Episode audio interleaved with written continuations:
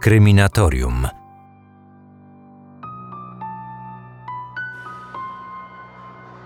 Cela śmierci londyńskiego więzienia Pentonville 30 października 1941 roku. Przy skromnym stoliku siedzi gangster Tony Mancini. Kilka miesięcy wcześniej ten syn włoskich imigrantów śmiertelnie ugodził nożem innego gangstera. Jutro, gdy pętla zaciśnie się na jego szyi, skazaniec ostatecznie odpowie za swoją zbrodnię. W tym jednak momencie nie zdaje sobie sprawy, że jest obserwowany. Przez niewielki otwór w drzwiach do celi zagląda wysoki, gładko ogolony mężczyzna z dobrze ułożoną fryzurą. Ubrany w trzyczęściowy garnitur wygląda jak typowy angielski gentleman. Jednak zawód, który wykonuje, dawniej z byciem dżentelmenem nie miał nic wspólnego. Teraz czasy się zmieniły i tą profesją zajmować się mogą tylko najlepsi. A 36-letni Albert Pierpoint jest najlepszy. Tak jak jego ojciec i wuj, naczelni kaci Zjednoczonego Królestwa. Od dziewięciu lat jedynie asystował w egzekucjach. Jednak już jutro jego marzenie się spełni. Po raz pierwszy będzie głównym katem i to on pociągnie za dźwignię uruchamiającą drewnianą zapadnię. W chwilach takich jak ta, Albert zawsze postępuje zgodnie z zasadami, jakimi od lat kierowali się jego poprzednicy. Kat i jego pomocnik przybyli dzień przed egzekucją. Naczelnik więzienia poinformował ich o wzroście i wadze więźnia, który ma zostać powieszony. Na koniec osobiście spojrzał na skazanego, by ocenić jego budowę. Praca Kata nie jest taka prosta, jakby się mogło wydawać. Na podstawie swoich obserwacji, Kat musi obliczyć długość sznura, którego użyje podczas egzekucji. I nie może się pomylić. To ważne, bo zbyt krótki sznur spowoduje, że skazaniec będzie umierał powoli, dusząc się w męczarniach. Zbyt długi sznur z kolei grozi urwaniem głowy, a to okryłoby kata prawdziwą hańbą. Albert Pierpoint przywiązuje do tego największą wagę, o czym napisze później w autobiografii zatytułowanej Cat Pierpoint.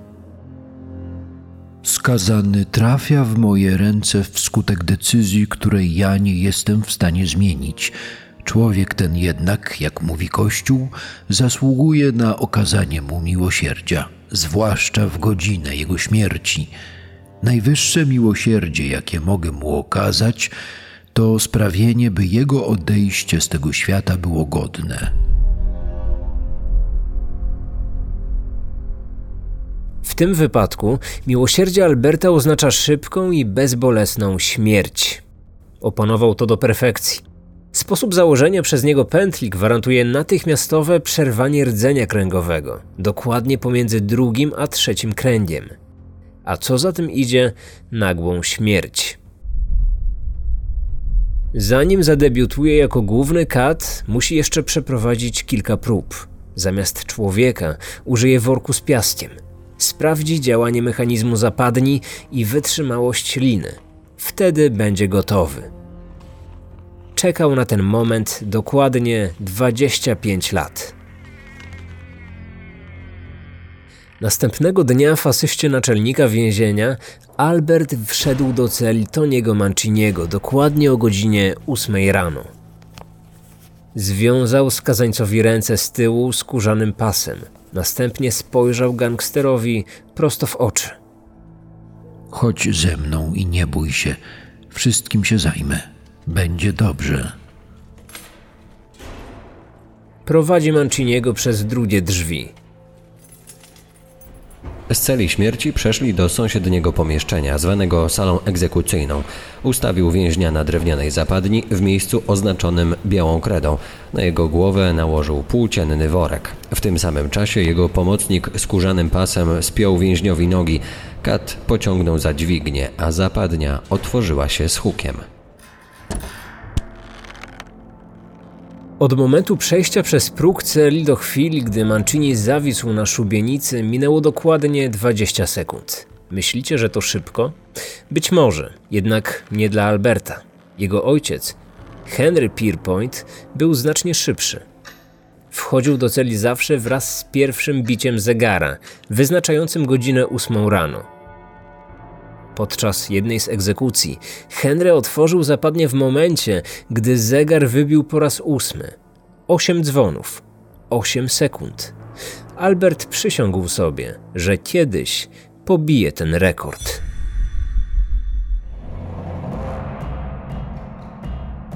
Jeden z słuchaczy zaproponował mi ostatnio ten temat w prywatnej wiadomości na Instagramie.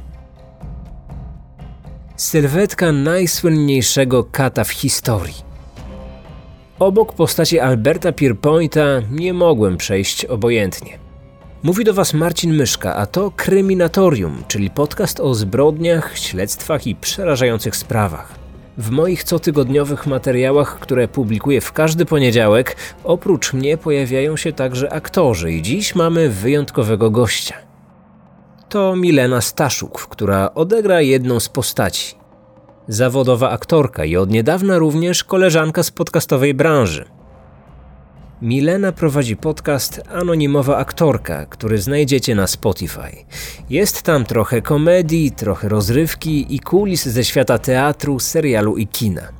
O tych zagadnieniach anonimowa aktorka opowiada u siebie, ale za chwilę na kryminatorium wystąpi w znacznie innym, mroczniejszym klimacie, wcielając się m.in. w postać słynnej brytyjskiej morderczyni, którą na tamten świat wysłał bohater naszego dzisiejszego odcinka. Kryminatorium. Otwieramy akta tajemnic. Albert Pierpoint o tym, że będzie kiedyś bezkarnie wieszał ludzi i jeszcze mu za to zapłacą, wiedział w zasadzie od zawsze. Nie mogło być inaczej, przecież w jego domu była to rodzinna tradycja. O zamiłowaniu małego Alberta pierwsza przekonuje się jego nauczycielka, gdy każe swoim uczniom napisać wypracowanie o tym, kim będą w przyszłości. Jedenastolatek bez chwili namysłu wskazuje na zawód kata. Plany Alberta tak wstrząsają nauczycielką, że już następnego dnia każe mu przyjść do szkoły z ojcem. Kobieta nie spodziewa się jednak, że Henry Pierpoint, który kilka lat wcześniej z powodu nadużywania whisky został pozbawiony funkcji kata, przyjdzie do szkoły w stanie lekko wskazującym – Wczoraj kazałam dzieciom napisać o swoim wymarzonym zawodzie. Pan pozwoli, że przeczytam to, co napisał pański syn. Kiedy skończę szkołę, chciałbym zostać publicznym katem, tak jak mój tata. Żeby móc wieszać ludzi, trzeba być mocnym mężczyzną z silnymi rękami. Mój tata i wujek tacy są i ja też kiedyś taki będę. To niebywałe. Przecież to jest jeszcze dziecko. Czy mógłby pan się odnieść do tego, co napisał pański syn? No, cóż się mogę powiedzieć? Rzeczywiście musi mieć silne ręce. Czasami drążek się zacina i trzeba nieźle szarpnąć, żeby otworzyć zapadnie. No, a wisielec zanim... Dość! Ja nie o tym mówię. On ma dopiero 11 lat. W dodatku bardzo dobrze się uczy. Widzę przed nim lepszą przyszłość niż bycie katem. Jest Pan jego ojcem. Niech mi Pan więc pomoże na miłość boską. Niech mi Pan poradzi, co ja mam mu powiedzieć, żeby się opamiętał i nie skończył tak jak Pan. Czy ja wiem? Niech mu pani może powie, żeby tyle nie pił w pracy, co ja. E, właśnie z powodu picia przestałem wieszać ludzi. Od tamtej pory nic nie robię. Podobnie jak pani, ja też nie chcę, żeby skończył tak jak ja. Ech, alkohol to najgorsza zaraza jest. Kobieta podjęła przynajmniej próbę. Tego jej odmówić nie możemy. Albert był uparty i wiedział, kim chce być. Jego pasji nie podzielała też matka. Kobieta widziała, co ten zawód zrobił z jej mężem. Na ten temat pisał Steve Fielding w książce Pierpoint Rodzina Katów. Henry był uznawany za najlepszego kata w Wielkiej Brytanii. Własnoręcznie wyszkolił w tym fachu swojego brata, który został później jego następcą. Egzekucje okazały się dla niego zbyt wielkim ciężarem, którego próbował się pozbyć za pomocą alkoholu. Zbyt częste zaglądanie do kieliszka powodowało konflikty nie tylko z własnym pomocnikiem, ale i z przełożonymi. Choć nigdy nie został oficjalnie zwolniony, w roku 1910 po dziewięciu latach służby jego nazwisko zostało skreślone z listy oficjalnych katów. Gdy Henry zmarł w roku 1922, jego osobiste zapiski trafiły w ręce Alberta. Dwa niebieskie zeszyty. Pamiętnik i dziennik egzekucji oraz spisane luźno na kilku kartkach przemyślenia kata stały się od tej chwili najważniejszymi dziełami literatury dla nastolatka. Słowa ojca czytał codziennie. Z czasem nauczył się ich na pamięć. Choć wiedza, jaką po swojej śmierci przekazał mu ojciec, okaże się dla Alberta bezcenna i wyniesie go na najwyższe szczeble katowskiej kariery, na swój debiut przedstawiciel kolejnego pokolenia katów w rodzinie Pierpointów musiał poczekać jeszcze 10 lat. W kwietniu 1931 roku pisze podanie do ministra spraw wewnętrznych Wielkiej Brytanii o przyjęcie na stanowisko pomocnika kata.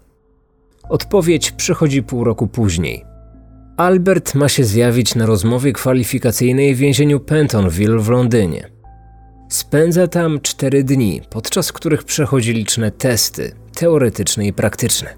Spośród wszystkich kandydatów Albert odznacza się nie tylko największą wiedzą, ale i zapałem.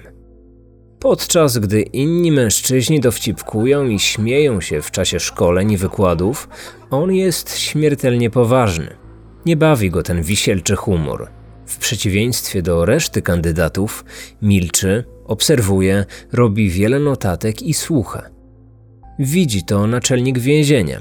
Zwraca się do niego tuż przed końcem kwalifikacji.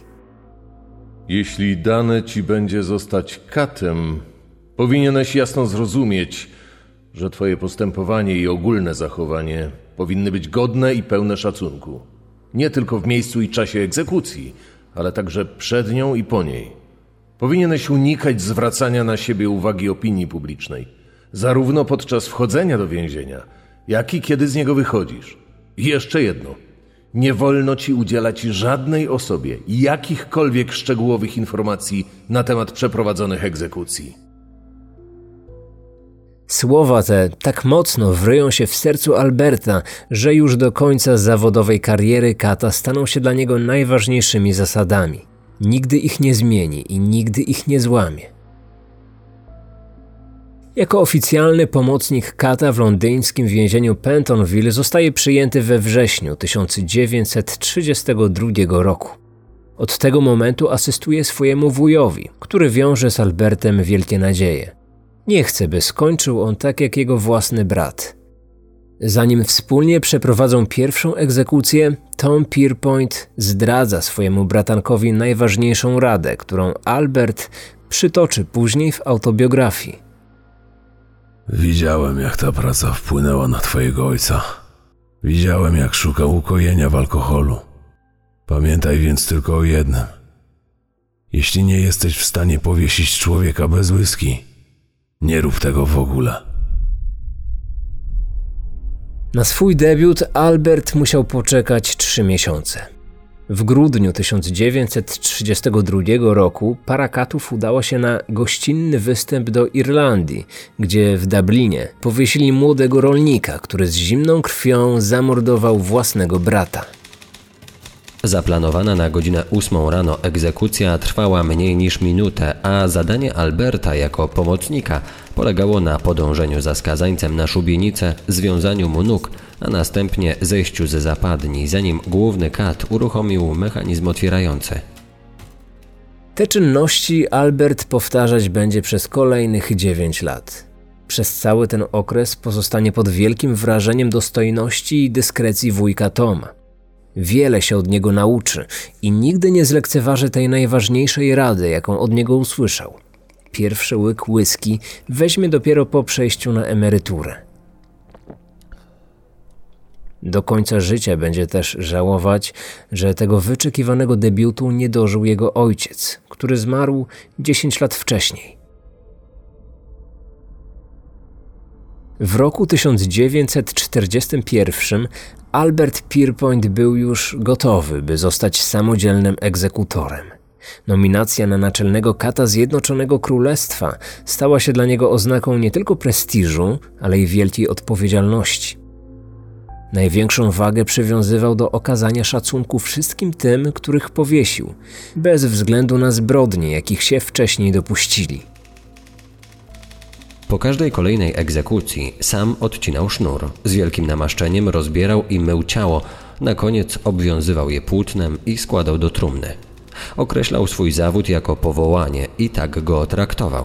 Swoim pomocnikom zabraniał żartować z martwych skazańców. Upominał ich nawet za niestosowny wyraz twarzy, który jego zdaniem mógł oznaczać brak szacunku dla osoby zmarłej. Za każdą egzekucję otrzymywał zapłatę w wysokości 15 funtów. Na obecne czasy to około 400, a także zwrot kosztów podróży koleją z domu do więzienia.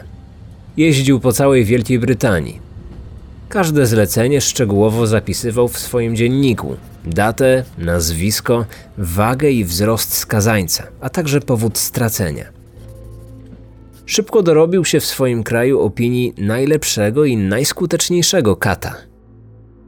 W chwilach, gdy nie wieszał zdrajców i morderców, wiódł całkiem spokojne życie jako sprzedawca warzyw w jednej z hurtowni w Oldham, niedaleko Manchesteru. O swojej prawdziwej profesji nie mówił nikomu, nawet Annie Fletcher, którą poślubił w roku 1943, po pięciu latach narzeczeństwa. Prawdę postanowił wyjawić jej dopiero pół roku po ślubie. Anno, muszę ci coś powiedzieć. Czuję się w obowiązku wyznania ci prawdziwego powodu moich częstych wyjazdów. Znam te powody, Albercie. Wiem, kim jesteś i co robisz o ósmej rano, gdy nie macie w domu. Od samego początku wiedziałam, zaakceptowałam to i nauczyłam się z tym żyć. Wiedziałaś? Ale, ale skąd? Przecież nigdy ci tego nie powiedziałem. Nie musiałeś. Doszły do mnie plotki o waszej rodzinnej tradycji. Twój ojciec i wuj byli katami. Kim więc mógłbyś być i ty, mój kochany, jeśli nie katem? Spokojnie. Obiecuję, że nigdy o nic nie zapytam. Wraz z końcem II wojny światowej zwrócił na siebie uwagę brytyjskich władz wojskowych. Pokonanie III Rzeszy zrodziło nagłą potrzebę ukarania wszelkiej maści zdrajców, szpiegów, kolaborantów i zbrodniarzy wojennych. Powojenne procesy wyznaczały długą listę osób, które zasłużyły na śmierć. Potrzebna była osoba, która podejmie się tego trudnego zadania, jakim było powieszenie zbrodniarzy. Za wyborem Pierpointa opowiedział się słynny brytyjski dowódca Bernard Montgomery, który osobiście wezwał do siebie kandydata. Wojna dopiero się zakończyła, a nasze więzienia już są pełne niemieckich zbrodniarzy. Wkrótce będzie ich jeszcze więcej. Rosjanie postawiliby ich pod ścianą i rozstrzelali, a potem dobili bagnetami. Amerykanie z uśmiechem patrzyliby, jak dyndają na linię przez godzinę, zanim się uduszą. Pan stosuje bardziej wyrafinowane metody, więc uważam, że to właśnie pan jest odpowiednim człowiekiem do tego zadania. Chcę, aby cały świat dowiedział się, że nasze egzekucje są nie tylko najskuteczniejsze, ale i najbardziej humanitarne. Czy jest pan w stanie nam to zagwarantować? Ależ oczywiście, panie marszałku. Ważna jest tu odpowiednio dobrana długość sznura. Jeśli będzie za krótki, to. Proszę mi wybaczyć i darować te szczegóły. Interesuje mnie tylko to, czy może pan obiecać, że każda egzekucja zakończy się w identyczny sposób? Czy każdy zbrodniarz umrze śmiercią natychmiastową i w miarę możliwości bezbolesną? Tak, panie marszałku, godna śmierć osób, które wieszam, jest dla mnie sprawą najważniejszą. Według mnie żaden z nich nie zasłużył na godną śmierć, ale musimy pokazać światu, że my, Anglicy, nie jesteśmy takimi samymi bestiami jak oni. I to właśnie pan nam zagwarantuje. Dwa tygodnie przed Bożym Narodzeniem w 45 Brytyjczycy podali do wiadomości opinii publicznej nazwisko Kata, który otrzymał honorowy stopień podpułkownika. Od tej chwili reporterzy i fotografowie zaczęli dosłownie obozować pod jego domem. Towarzyszyli mu także w drodze na samolot, którym odleciał do Niemiec. Ich obecność bardzo irytowała Alberta, który dziennikarzy nazwał motłochem żądnym linczu. Albert Pierpoint zajął się przygotowaniami do mających się odbyć egzekucji 13 nazistowskich zbrodniarzy wojennych, byłych funkcjonariuszy obozu koncentracyjnego Bergen-Belsen. Wśród dziesięciu mężczyzn i trzech kobiet oczekujących na powieszenie były takie sławy jak komendant obozu Józef Kramer, zwany bestią z Bergen-Belsen, oraz Irma Greze, zaledwie 22-letnia morderczyni obozowa z Auschwitz, nazywana przez więźniów piękną bestią. Należy też wspomnieć, że w grupie tej znalazła się również jedna z najokrutniejszych strażniczek obozowych, Johanna Bormann, nosząca wiele mówiący przydomek kobieta z psami. Na miejscu Albert decyduje, że kobiety zostaną powieszone jako pierwsze, pojedynczo. Po nich przyjdzie czas na mężczyzn. Oni zawisną dwójkami. W chwili zakładania im na głowę kaptura, Kat cicho prosi każdego skazańca o wybaczenie. Później pociąga za dźwignię, uruchamiającą zapadnie. Śmierć przychodzi szybko, sprawnie i bezboleśnie, tak jak wcześniej obiecał. Zgodnie z brytyjskimi przepisami powieszeni mieli pozostać na szubienicy przez godzinę, żeby było pewne, że egzekucja odbyła się w sposób skuteczny. Dodatkowo sanitariusz wstrzykiwał powieszonym truciznę. W swoim pamiętniku zanotował: Jakaż to była ironia losu. Egzekucja trzynastu zbrodniarzy wojennych odbyła się w piątek trzynastego w obecności trzynastu świadków. Tylko w roku 49 powiesił łącznie 226 niemieckich zbrodniarzy wojennych, często po 10 dziennie, choć zdarzały się i większe grupy. Trzeba też zaznaczyć, że naczelny kat Zjednoczonego Królestwa wieszał w tym okresie nie tylko nazistów. Do jego zadań należało również przeprowadzanie egzekucji brytyjskich zdrajców, a nawet amerykańskich żołnierzy, którzy sami podczas wyzwalania Europy dopuścili się morderstw czy gwałtów. Gdy skończyła się już jego misja polegająca na wieszaniu nazistów, niechciana przez niego sława już go nie opuściła. Bardzo nad tym ubolewał, co potwierdziła później jego żona. Był dumny z tego, co robił. Dla niego była to praca wymagająca wrażliwości i przyzwoitości. Nie podobało mu się ciągłe zainteresowanie mediów i społeczeństwa. Czuł, że wykonuje jedynie wolę sądów, co nie wszyscy byli w stanie zrozumieć. W końcu zaakceptował swoją popularność, ale przyszło mu to z wielkim trudem. Po namowie żony w roku 50 otworzył swój własny pub o dość oryginalnej nazwie Wspomóż biednego bojownika.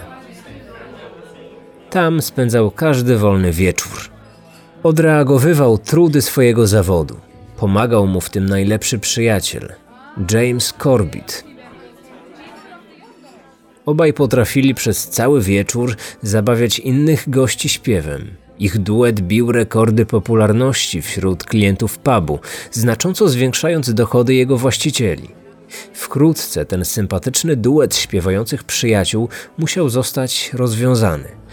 I to z dość nieoczekiwanego powodu. James nawiązał romans z pewną mężatką i kompletnie stracił dla niej głowę.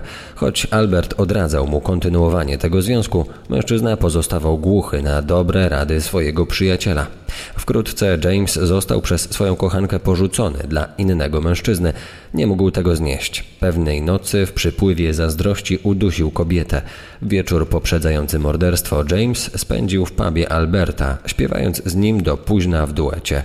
Za swoją zbrodnię został skazany na karę śmierci przez powieszenie. O tym, że to właśnie on ma go powiesić, Albert dowiedział się dzień przed planowaną egzekucją. Choć był wstrząśnięty, przed nikim nie zdradził targających nim emocji. Starzy przyjaciele weszli na szubienicę 28 października 1950 roku. W momencie pociągania za dźwignię otwierającą zapadnie, wspólnie śpiewali pod nosem ich ulubioną piosenkę.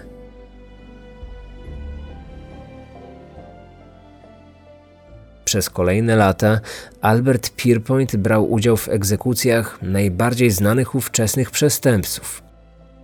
Jednym z nich był John Emery, brytyjski komunista i hitlerowski kolaborant, którego Albert określił mianem najodważniejszego człowieka, jakiego kiedykolwiek powiesił. Idąc na szafot, mężczyzna powitał swojego kata wyciągnięciem ręki, szerokim uśmiechem i słowami – Zawsze chciałem pana poznać. Choć oczywiście nie w takich okolicznościach. Ale jak to mówią, lepiej tak niż wcale. Niedługo później w Manchesterze powiesił niejakiego Jamesa Inglisa, 29-letniego zabójcę prostytutki. Ten poranek Albert zapamiętał do końca życia. Właśnie podczas tej egzekucji pobił należący do jego ojca rekord szybkości. Zapadnia, na której stał skazaniec, otworzyła się po siedmiu sekundach od chwili jego wejścia do celi. Siedem uderzeń więziennego zegara. Ósmego, który wybijał godzinę ósmą rano, James już nie usłyszał. O ile powieszony przez naczelnego kata Anglii John George Hay, seryjny morderca, który dla zatarcia śladów rozpuszczał ciała swoich ofiar w kwasie, na śmierć zasłużył z całą pewnością, to już dwaj inni skazańcy po latach okazali się niewinni. Timothy Evans skazany został za zabójstwo swojej córki i stracony w marcu 50 roku. Już po egzekucji okazało się, że zbrodni tej dokonał jego sąsiad. Seryjny morderca John Christie, również stracony przez Pierpointa. Evans został pośmiertnie oczyszczony z zarzutu zamordowania córki. Innym kontrowersyjnym wyrokiem było skazanie na śmierć w roku 53 upośledzonego umysłowo 19-letniego Dereka Bantlia, członka jednego z młodzieżowych gangów. Mężczyzna został oskarżony o zastrzelenie policjanta, choć w momencie zdarzenia był uzbrojony jedynie w nóż, a strzał oddał jego 16-letni kolega. Opinia publiczna domagała się głowy mordercy, a że faktyczny sprawca był nieletni i nie mógł zostać skazany na śmierć, na szubienicę wysłano Dereka. Egzekucję wykonano pomimo apelu członków brytyjskiego parlamentu oraz żony zabitego policjanta. W autobiografii Albert przyznał, że od początku nie wierzył w winę oskarżonego, który do samego końca był pewny, że zostanie uniewinniony. Ostatecznie Bentley został oczyszczony z zarzutu, ale dopiero w roku 98, 45 lat po egzekucji. Jedną z najgłośniejszych w Wielkiej Brytanii egzekucji w wykonaniu Alberta była z całą pewnością sprawa Ruth Ellis, Kobieta została skazana na śmierć za zamordowanie swojego kochanka. Mężczyzna od kilku miesięcy obiecywał jej ślub, ale pewnego dnia porzucił ją bez słowa i oświadczył się innej kobiecie. Wieczorem 10 kwietnia 55 roku zdradzona i porzucona Ruth pojawia się pod jednym z londyńskich klubów, gdzie bawi się jej niedoszły małżonek. Cześć, Dawid. Musimy porozmawiać. Dawid? Dawid, dlaczego zachowujesz się, jakbyś mnie nie znał? Mężczyzna nie odpowiada. Udaje, że jej nie widzi. Gdy tylko próbuje wsiąść do swojego samochodu, pada pierwszy strzał. Kula nie trafia w cel, a David zaczyna uciekać. Dogania go druga kula. Kobieta z dymiącym rewolwerem w ręku podchodzi spokojnie do leżącego na chodniku rannego Davida. Przystawia mu lufę do pleców i oddaje trzy kolejne strzały. Potem zwraca się spokojnie do jego kolegi, który razem z nim chwilę wcześniej opuścił klub. Może przestaniesz się na mnie gapić i w końcu zadzwonisz na policję? Nie widzisz, że właśnie zabiłam twojego kolegę? Zadzwoniłabym sama, ale jestem trochę zdenerwowana. Podczas późniejszego procesu kobieta wypierała się swojej winy. Gdy przystawiałaś pistolet do jego pleców i pociągałaś za spust, co tobą kierowało? Przecież to oczywiste. Kiedy do niego strzelałam, kierowała mną chęć zabicia go. Tą odpowiedzią na pytanie zadane przez prokuratora kobieta zapewnia sobie wyrok śmierci. Sprawa staje się głośna w brytyjskich mediach, a opinia publiczna współczuje zdradzonej przez narzeczonego morderczyni. Petycję o jej uniewinnienie podpisuje ponad 50 tysięcy Brytyjczyków. Na próżno. 13 lipca 1955 roku Albert Pierpoint zakłada na jej głowę biały kaptur i pociąga za dźwignię. Sekundę później skazana umiera, stając się tym samym ostatnią kobietą, którą powieszono w Wielkiej Brytanii. Dwa tygodnie później Albert wiesza Normana Greena, który przyznał się do zabójstwa dwóch młodych chłopców. Naczelny kat Zjednoczonego Królestwa jeszcze nie wie, że jest to jego ostatnia egzekucja. Na początku stycznia 56 roku Pierpoint udaje się do Manchesteru. Tam czeka już na niego kolejny skazaniec. Wcześniej Kat opłaca personel, który ma go zastąpić w pubie podczas jego nieobecności. Wieczór poprzedzający egzekucję Kat spędza jak zwykle na pomiarach więźnia i przygotowaniu odpowiedniej długości liny.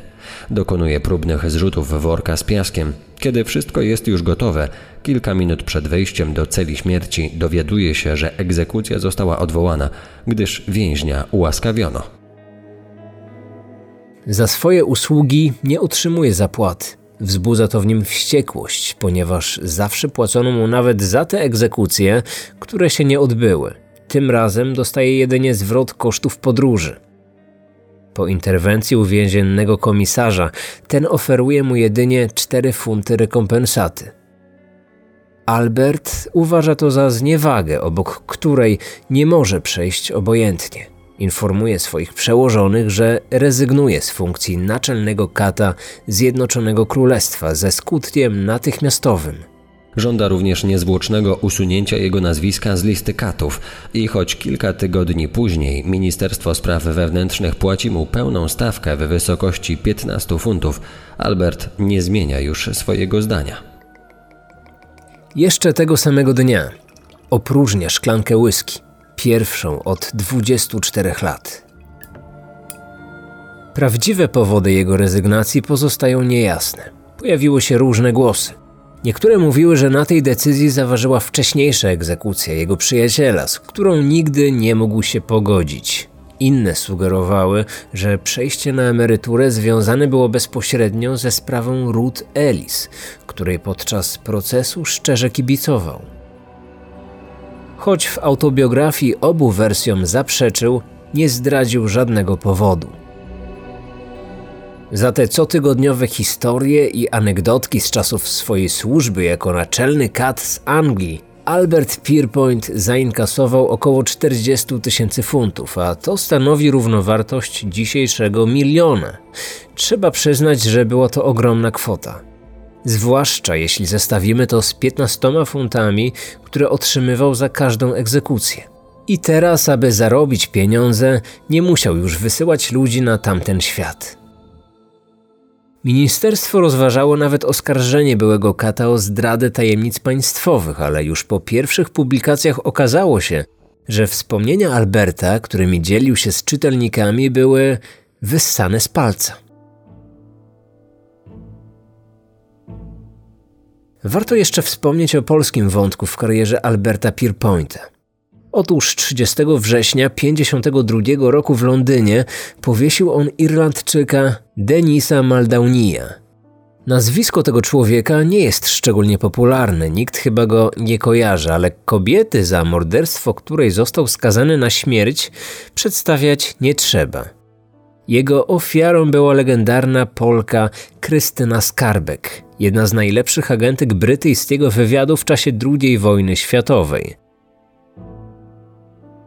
To właśnie o tej kobiecie Winston Churchill miał powiedzieć, że była jego ulubionym szpiegiem. Gdy był na emeryturze, Albert Pierpoint zmienił swoje podejście do kary śmierci. Nie był już tak wielkim jej entuzjastą jak w czasie, gdy posyłał na tamten świat całą rzeszę złych ludzi. W wydanej w 1975 roku autobiografii napisał: Wszyscy ci ludzie, którzy stali przede mną w ostatnich sekundach swojego życia, utwierdzili mnie po latach w przekonaniu, że wykonując swoją pracę nie zapobiegłem tak naprawdę ani jednej zbrodni. A jeśli kara śmierci nie jest w stanie powstrzymać nikogo przed popełnieniem morderstwa, to nie należy jej stosować. Moim zdaniem taka kara nie służy niczemu, jest tylko aktem zemsty. Jego słowa spotkały się ze sporą krytyką dużej części Brytyjczyków. Presja społeczna i kolejne pytania dziennikarzy sprawiły, że później nie był już tak bardzo krytyczny. Niedługo przed swoją śmiercią w wywiadzie dla BBC powiedział: Kiedy pisałem te słowa, nie było tak wielu przestępstw, ile jest dzisiaj. Sam już nie wiem, co mam myśleć, ponieważ sytuacja zmienia się każdego dnia. Albert ostatnie cztery lata swojego życia spędził w domu starców niedaleko Liverpoolu, gdzie zmarł 10 lipca 1992 roku. Dokładna liczba przeprowadzonych przez niego egzekucji jest wciąż obiektem badań brytyjskich historyków. Większość źródeł podaje liczbę 435 straceń. Jednak nekrologi opublikowane po śmierci Pierpointa w brytyjskich dziennikach nie były już tak zgodne. W zależności od tytułu, liczba ta wahała się pomiędzy 500 a 550 osób. BBC poszło jeszcze dalej i oszacowało łączną liczbę powieszonych przez Alberta osób na dochodzącą do 600. Sam bohater w autobiografii nie podał, ile dokładnie rubryk w swoim egzekucyjnym dzienniku wypełnił. Z całej rodziny Pierpointów tylko on dobrowolnie zrezygnował z funkcji kata. Pytano go później wielokrotnie o prawdziwe powody, ale on nigdy ich nie zdradził. Zawsze uważałem, że zostałem powołany do tego, żeby zostać katem. Tak samo jak zostałem powołany do tego, żeby przestać nim być. Jedni mówią, że czyniłem dobrze, inni, że źle. Ja wiem, że robiłem to, co musiałem. Zaszczytem dla mnie było służyć mojemu krajowi.